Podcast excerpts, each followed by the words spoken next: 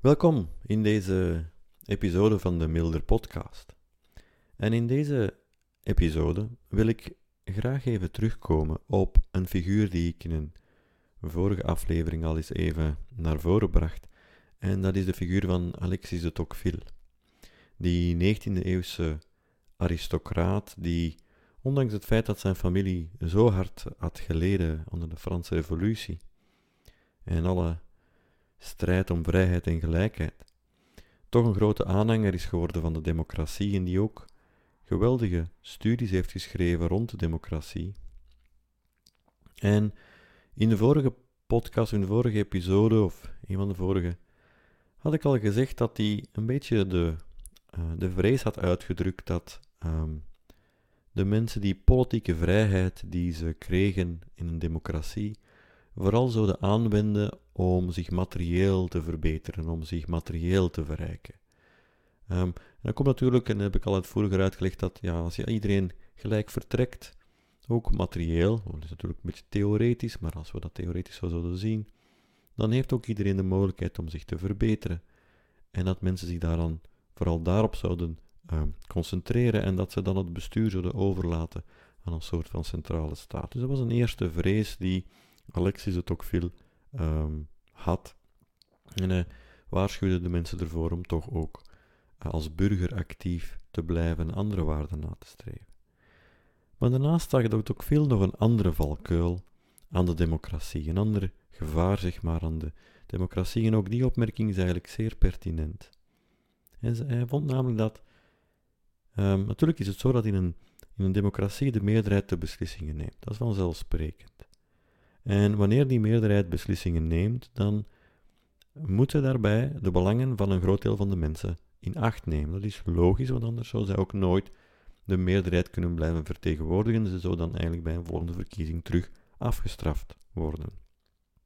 Maar, zegt dat ook veel, het is niet omdat een meerderheid beslissingen neemt en daarbij zoveel mogelijk mensen, de belangen daarvan van zoveel mogelijk mensen in acht neemt, dat beslissingen van die meerderheid ook per definitie rechtvaardige beslissingen zijn. Het is immers goed mogelijk dat men beslissingen neemt die bijvoorbeeld ingaan tegen de rechten en de rechtmatige belangen van de minderheid. En zo dreigt een democratie dan te verworden tot een dictatuur van de meerderheid.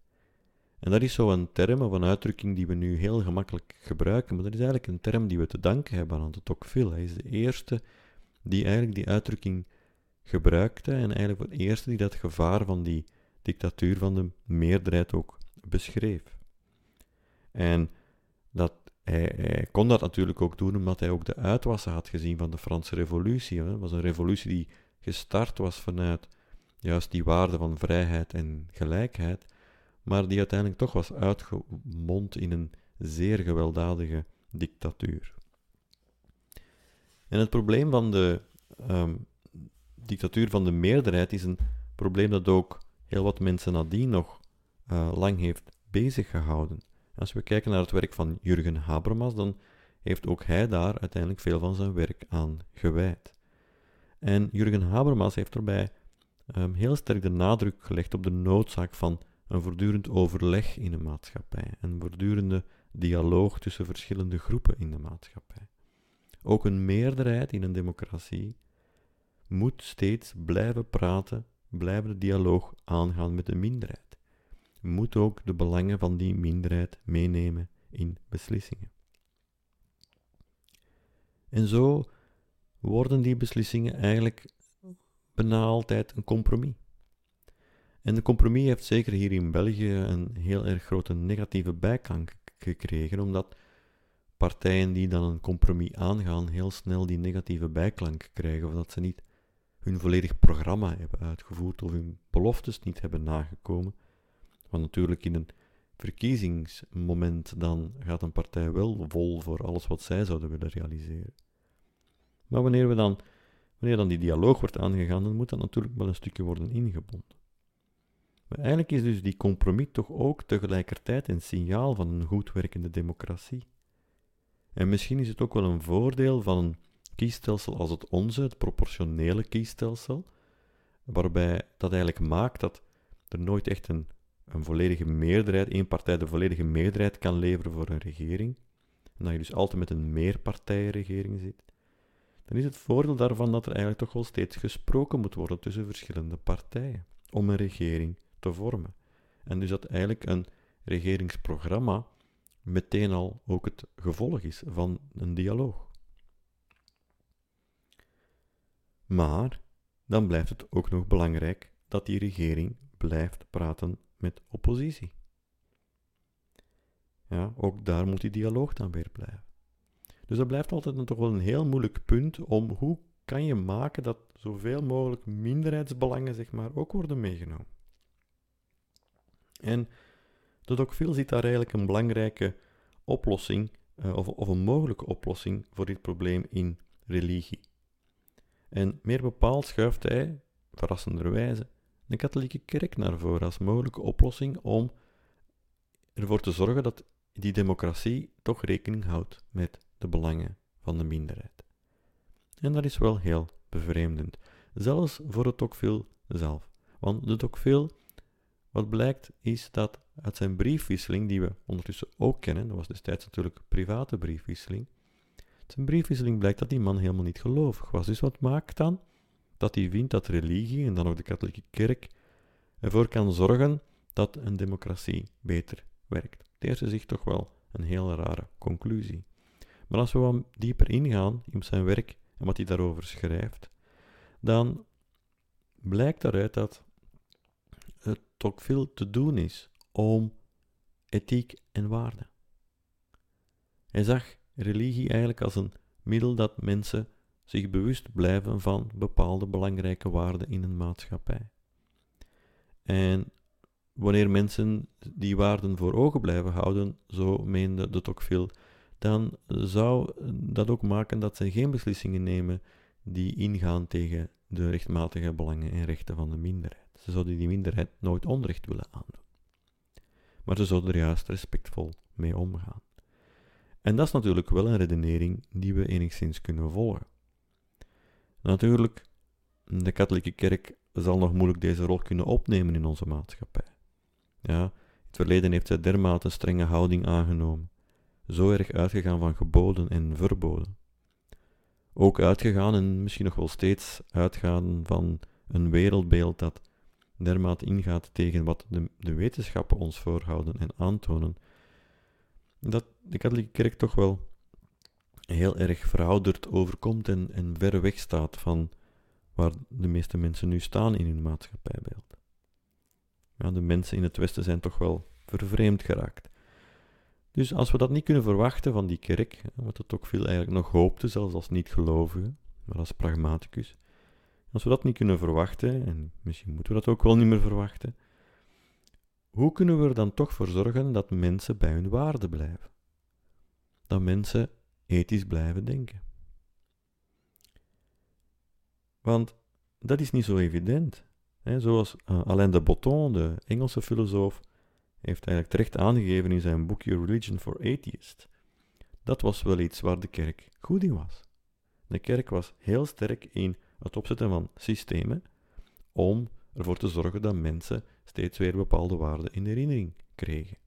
Weet je, elke zondag werden mensen verwacht in de kerk waar bepaalde teksten werden gelezen, waar preken werden gehouden. Er waren ook heilige kalenders en elke heilige stond voor een bepaalde waarde, feestdagen die bepaalde waarden in herinnering brengt. Dus alleen de Poton wijst erop dat de kerk eigenlijk een heel systeem had om ervoor te zorgen dat bepaalde waarden op regelmatige tijdstippen terug in herinnering werden gebracht. Of ze dat op termijn altijd even goed zijn blijven doen, is een andere vraag, maar het systeem bestond in elk geval, uh, in theorie dan toch. Um, maar dat systeem is nu weggevallen uit ons leven, daar zijn we uitgestapt. Um, en ik wil hier zeker geen pleidooi om daar terug in te stappen, alleen we moeten wel vaststellen dat dat systeem wel weggevallen is. En dan is de vraag, hoe gaan wij ervoor zorgen dat wij onze waarden voor ogen blijven houden? Ja, in de red race van elke dag, in de hectiek van elke dag. Um, elke dag opnieuw gaat dat door. Ja? En, en hoe zorgen we er dan voor dat wij toch die waarden dan niet uit het oog verliezen? Dat is helemaal niet gemakkelijk. En Ehm, ik kan hier ook niet uh, daar een pasklare oplossing voor geven. Ik kan enkel meegeven wat voor mij um, wel enigszins werkt. En dat zijn eigenlijk twee dingen. En eerste ding is, ik lees vaak toch wel boeken die daarover dat thema gaan. Dat is ook al een manier om uh, bepaalde waarden terug in herinnering te brengen. En een tweede ding dat ik doe, is mijn, mijn regelmatige meditatiepraktijk. Dus elke keer weer te stoppen en te gaan zitten, um, de dingen wat laten zakken, het stof laten, laten zakken, bij wijze van spreken. Uh, het zand wat laten settelen in het water, dat alles een beetje terug helder wordt. Um, maakt dat het voor mij ook wel wat duidelijker wordt wat mijn waarden zijn. Dat ik daar toch wel uh, dan tijd voor maak. Hoe kort dat dat soms dan ook is, hè, want ik heb niet altijd tijd om lang te mediteren. En door zo te mediteren, dan kom ik toch altijd weer dichtbij bij een aantal centrale waarden, waarvan ik er gewoon even twee wil meegeven. En eerste, wat dat vaak toch wel dan bij mij terug naar boven komt, is dat um, alles met alles verbonden is. Ja, in de meditatiepraktijk is zo'n moment waar dat, dat dan naar boven kan komen. Het is soms een beetje vergelijkbaar en iedereen heeft het gevoel wel eens wanneer je in de natuur staat, in de bergen of zo. En dat je plotseling het gevoel kan krijgen dat, ja, dat alles één is en dat je daar je plek in hebt. Dus staan helemaal niet los van die natuur. Ja, dat is heel belangrijk om dat af en toe toch wel eens terug te ervaren. Ja, en dat in herinnering te krijgen en dat te beleven. We staan niet los van die natuur, we zijn er één mee. Ja, heel eenvoudig, dat is zelfs een wetenschappelijk feit. Als er geen bomen zouden zijn, hebben wij geen zuurstof om te ademen. Zo eenvoudig is het eigenlijk. Als het water vol microplastic zit, dan zitten de planten daar vol mee, de dieren daar vol mee en wij ook. Dan zitten die microplastics ook in ons. We staan daar niet los van. Als de biodiversiteit verdwijnt, dan zijn wij misschien ook wel eens op een bepaald moment aan de beurt. En dan zeg ik niet om er nu pessimistisch rond te doen, helemaal niet zelfs. Ja, ik denk dat we, dat we, dat we als mens uh, inventief genoeg zijn om oplossingen te bieden, maar wel om een soort van sense of verantwoordelijkheid te krijgen. En tegelijkertijd ook verwondering. Ja, dit is ook een heel positief verhaal. We zijn gewoon één en het is wonderlijk hoe die wereld eruit ziet. Ja? En ook dat kunnen we dan voelen wanneer we zo in de natuur zijn of wanneer we mediteren. Hoe wonderlijk het is dat alles met alles samenhangt. Hoe wonderlijk het is dat alles er is. De zonsopgang, de, zons, weet je, de zonsondergang s'avonds, de bomen, het water, de zee het wandelen langs het strand en de verwondering die daar dan mee mee kan komen. Het is een heel mooi aspect van alles met alles samenhangen, dat alles één is. Ja, er is niet alleen het verantwoordelijkheidsaspect dat nu natuurlijk heel erg naar boven komt in het kader van de tijden van klimaatverandering, maar er is ook het aspect van verwondering, van schoonheid, dat helemaal meekomt als je zo even dicht bij je waarde kan komen en er tijd voor kan maken. Dat is een, eerste waarde die dan naar boven komt, de verbondenheid van alles. En een, en een tweede ding dat dan naar boven komt is de, de noodzaak, bij wijze van spreken, om elke mens als mens te blijven zien. We zijn allemaal mensen. Met eigen emoties en een eigen wens om gelukkig te zijn. En op die manier nooit de mens anders nooit objectiveren. Geen enkele mens ooit te objectiveren dan denk ik misschien al eens aan de migratieproblematiek die speelt. En het is een zeer complexe problematiek. Uh, er zijn zomaar geen eenvoudige oplossingen aan. Maar hoe je er ook over spreekt en welke oplossing je ook wil voordragen. En in elk geval nooit te vergeten dat het gaat om mensen. En de mensen te zien om wie ze zijn, mensen. Mensen met hun eigen wensen en uh, verlangen naar geluk. En dat maakt beslissingen niet altijd gemakkelijker, dat maakt het vaak ook moeilijker om dan beslissingen te nemen. Maar het is gewoon voor mij de enige manier om daarnaar te kijken. En ook dat steeds weer in herinnering te houden, dat het daarom gaat om mensen te zien als mens. En in die zin denk ik heeft het ook veel wel gelijk. Ethiek is een zeer belangrijk aspect voor een goed functioneren van de democratie. Mensen moeten contact kunnen blijven houden met hun waarden. Met, moeten ethisch het juiste willen blijven doen als een democratie goed wil blijven functioneren.